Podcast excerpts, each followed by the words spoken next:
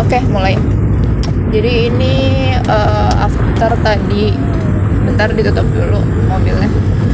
After tadi kita main di pantai Carita. One of the beach that ya kena kemarin dampak dari tsunami dahsyat yang tadi aku sempat foto tuh di sampingnya pohon kelapa yang tadi kata penduduk setempat pencari gurita tadi aku ngobrol tuh tsunami-nya setinggi itu bahkan lebih gitu aduh nggak kebayang. Dan di sini banyak banyak cottage ya kan ya? Ya cottage. Cottage di bibir pantai. Itu kalau aku nginep aja di situ kayaknya aku nggak bakal bisa tidur sih soalnya denger desiran ombaknya tuh wur wur wur gitu. Nggak nggak bisa tidur. Eh, apalagi ketika waktu itu kan kayaknya pas bulan purnama. Terus juga erupsi gunung Krakatau.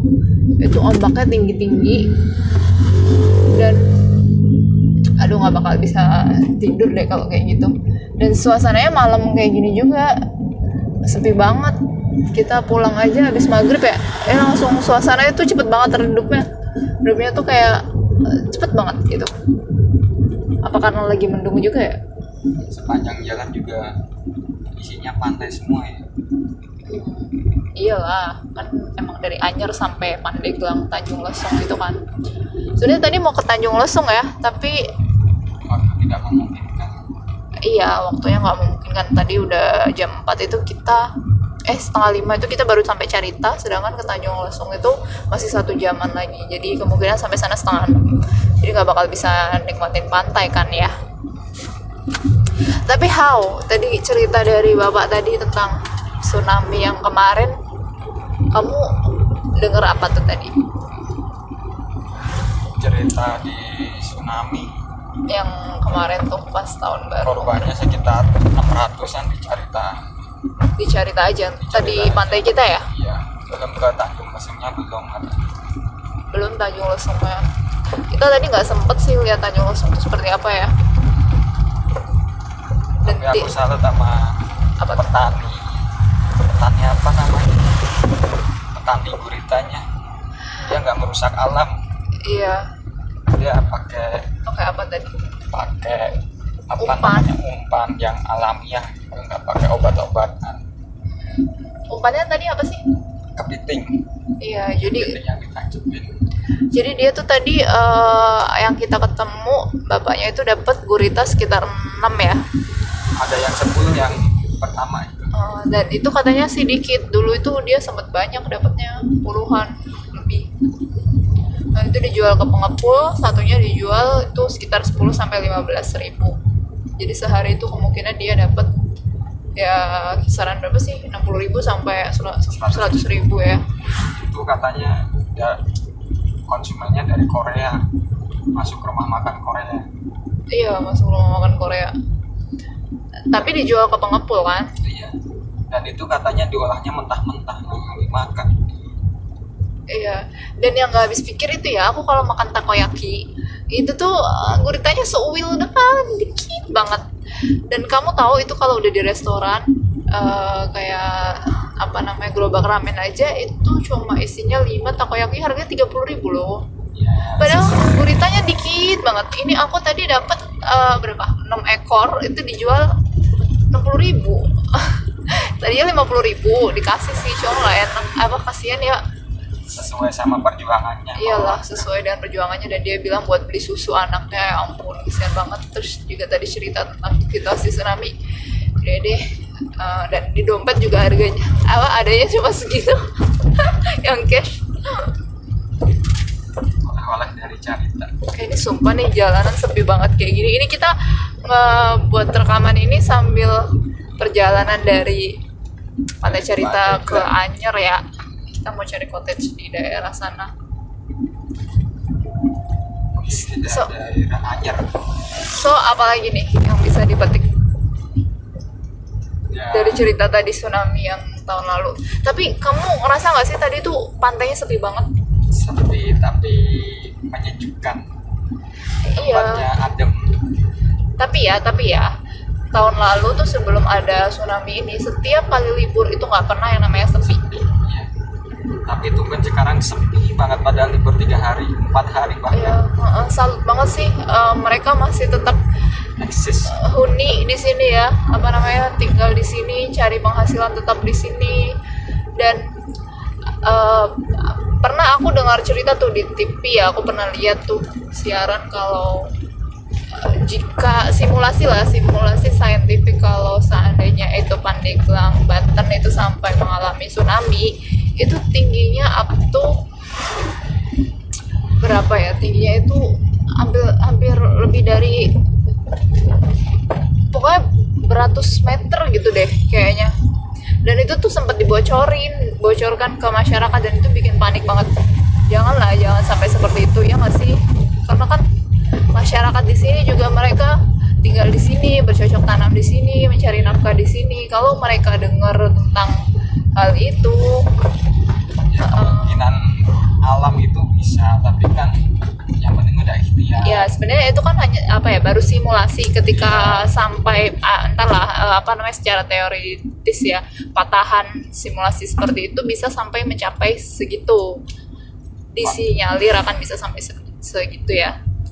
Aku lupa deh berapa nanti Tragedi bisa di buruknya ya segitu.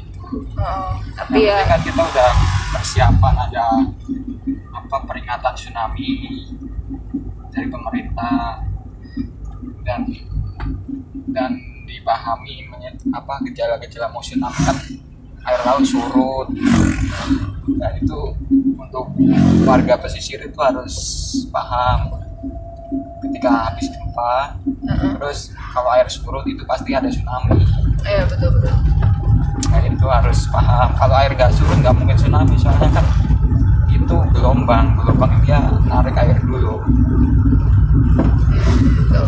ya makanya eh, perlu ya harus ada edukasi kencang banget di Iya. sekitaran untuk masyarakat yang tinggal hidup di bibir pantai itu tentang edukasi tsunami gimana sih eh, apa namanya persiapan diri ketika memang bencana itu datang mereka sudah siap siaga apa yang harus dipersiapkan Ya istilah kita mencontoh negara Jepang yang tiap hari aja ada gempa tapi mereka nggak panik.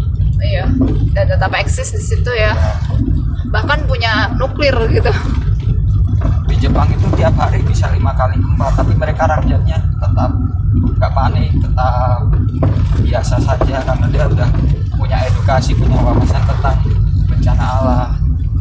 Dan itu udah dicanangkan dari pemerintah Jepang sejak dulu. Iya, iya itu sih.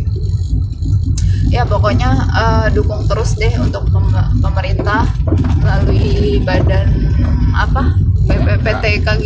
BMKG kalau Ya BMKG kan untuk cuaca, kalau untuk yang anti tsunami apa ya saya juga belum paham BPPTKG atau apa deh aku pernah tahu kayaknya.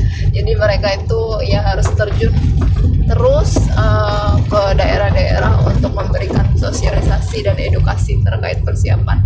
Ketika memang ada bencana itu mereka siap eh, caranya sehingga eh, tidak ada korban jiwa gitu. ya yang paling penting itu kenali dulu ciri-cirinya. Kalau ada apa musim badai ya kita harus siap waspada kalau kalau habis gempa kalau air surut pantai ya segera mencari tempat yang lebih tinggi karena kemungkinan tsunami itu datangnya tuh nggak langsung datang ya butuh waktu sekitar 30 menit Hmm, betul dari betul. jeda 30 menit itu kita bisa lari ke tempat yang lebih tinggi Iya. Tadi aku juga dengar sih dari bapaknya itu. Jadi bapaknya tuh nggak ngelihat ombak, tapi dia dengar dari para turis yang tinggal di cottage yang lagi apa namanya nginep di cottage itu air pasang, air pasang, air tinggi gitu. Terus mereka nggak pikir panjang langsung bawa anak istri langsung lari ke gunung gitu. Dan itu aja. Eh, yang persiapannya ada sekitar waktu berapa? 30-an menit ya. Untuk Nah, mencapai bibir pantai.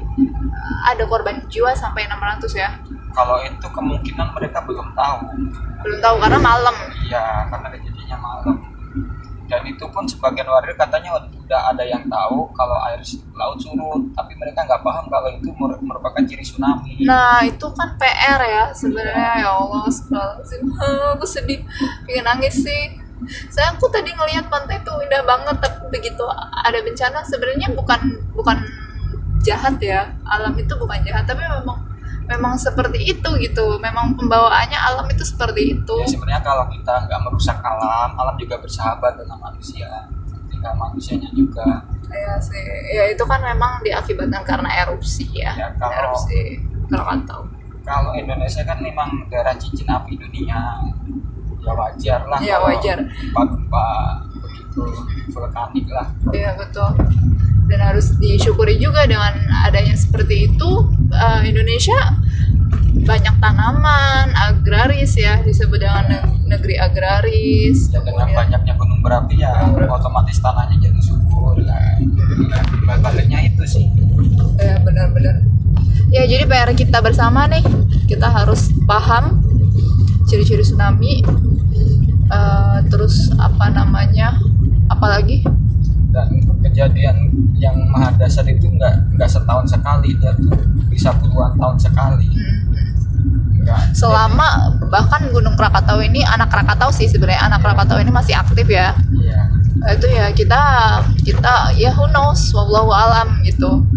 Karena itu juga merupakan ya ya pemantik juga sih bisa penyebab ini ya tsunami. Karena yang dulu tahun 1800 juga kan karena itu kan Karena karena Krakatau ya bukan anak Krakatau. Kalau itu kalau 1800-an itu memang letusan itu letusan apa namanya erupsi. Kalau kemarin kan itu cuma istilahnya cuma erupsi kecil yang batuk lah. Kalau kalau gula kalau yang tahun 1800-an bener-bener gunungnya hancur Iya, bener-bener. ah, gunungnya benar-benar hancur dan meninggalkan anak Krakatau ya. Tumbuh Yang anak anak Krakatau pun dia nggak langsung tumbuh itu dia beberapa waktu ah, jadi kaldera dan sebagainya. itu setahu saya itu Gunung Krakatau tuh set- setahun itu naik berapa meter itu Gunung bener-bener. Aku juga baca kok itu. Jadi mungkin saja anak Krakatau ini bisa tinggi seperti Krakatau ya, Ya, berpuluh-puluh tahun. bisa lebih tinggi dari induknya ini kan masih anak kan ya heeh, ke depan. Selama dia memang terus aktif, terus kan. Bahkan induk, Erupsi. induknya itu udah nggak kelihatan sampai ak- akarnya kan di dalam laut itu di dasar laut. Induknya itu waktu meletus sampai hancur gimana dasarnya itu gempa. Ya dan katanya tadi penduduk lokal bilang tsunami-nya itu sampai setengah gunung tingginya nggak bisa Oh, ngebayangin. nggak bisa ngebayangin. Itu setengah populasi manusia loh katanya. itu sampai ke Eropa kalau Ah, iya melihat sejarahnya sampai Sampai ke Spanyol itu Iya benar. Nah, Ini sih jujur kita nggak persiapan ya membaca membaca artikel-artikel sebelumnya karena memang spontan aja bikin podcast ini tuh. Karena kita habis main terus ketemu penduduk lokal tadi nggak sengaja juga tanya itu kan gurita dan kejadian waktu tsunami. Jadi kita nggak mempersiapkan tuh data-data sebelumnya. Ya kita cuma cukup pengetahuan Ya, aja yang pernah pengetahuan kita aja. baca. Dan itu juga penting lah buat apa namanya pengetahuan kalau kita waktu kejadian-kejadian yang tak terduga kita udah bisa tahu gimana waktu kita main ke pantai ada kejadian ini kita bisa tahu oh ini mau apa. Jadi nggak panik. Tapi sebenarnya eh, lu mas tadi takut nggak sih waktu di situ? Waktu tadi nyampe pantai tuh mau foto-foto dan kayak udah redup-redup suasana itu kayak ada il apa ya alamiah diri itu jadi takut. Kalau kalau takut sih enggak ya saya. Sebenarnya sih saya juga orang pesisir sebenarnya jadi biasa di pantai. Kalau takut gelap sih enggak cuma kan ini bukan daerah wilayah kita jadi paling takut dari keamanan aja. Mungkin ada begal apa gitu kan karena karena tempatnya sepi tadi kalau udah gelap. Kalau di wilayah di wilayah kita kan kita udah tahu lah gimana. Udah kenal sih. Ya kan ini kan di tempat orang. Kalau masalah gelap saya nggak takut biasa. Saya juga orang pesisir sering ke pantai malam-malam. Oke deh gitu eh, udah 14 menit sih kita ngerekam. Spontan aja sih pingin ngeluarin hasil cerita tadi kita di pantai Carita. So salut deh sama mereka ya apa namanya tadi eh, namanya apa sih berarti? Petani gurita ya. Eh, mereka menggunakan alami dalam penangkapan guritanya cara yang alami pakai umpan nggak pakai bom dan sebagainya dan itu salut banget karena itu menjaga lingkungan. Top banget deh. Ah. Oke okay, gitu ya. Kita pamit. Makasih. Assalamualaikum warahmatullahi wabarakatuh. Ya udah nyampe anjir dadah. See you next time in the next podcast. Dadah. Assalamualaikum.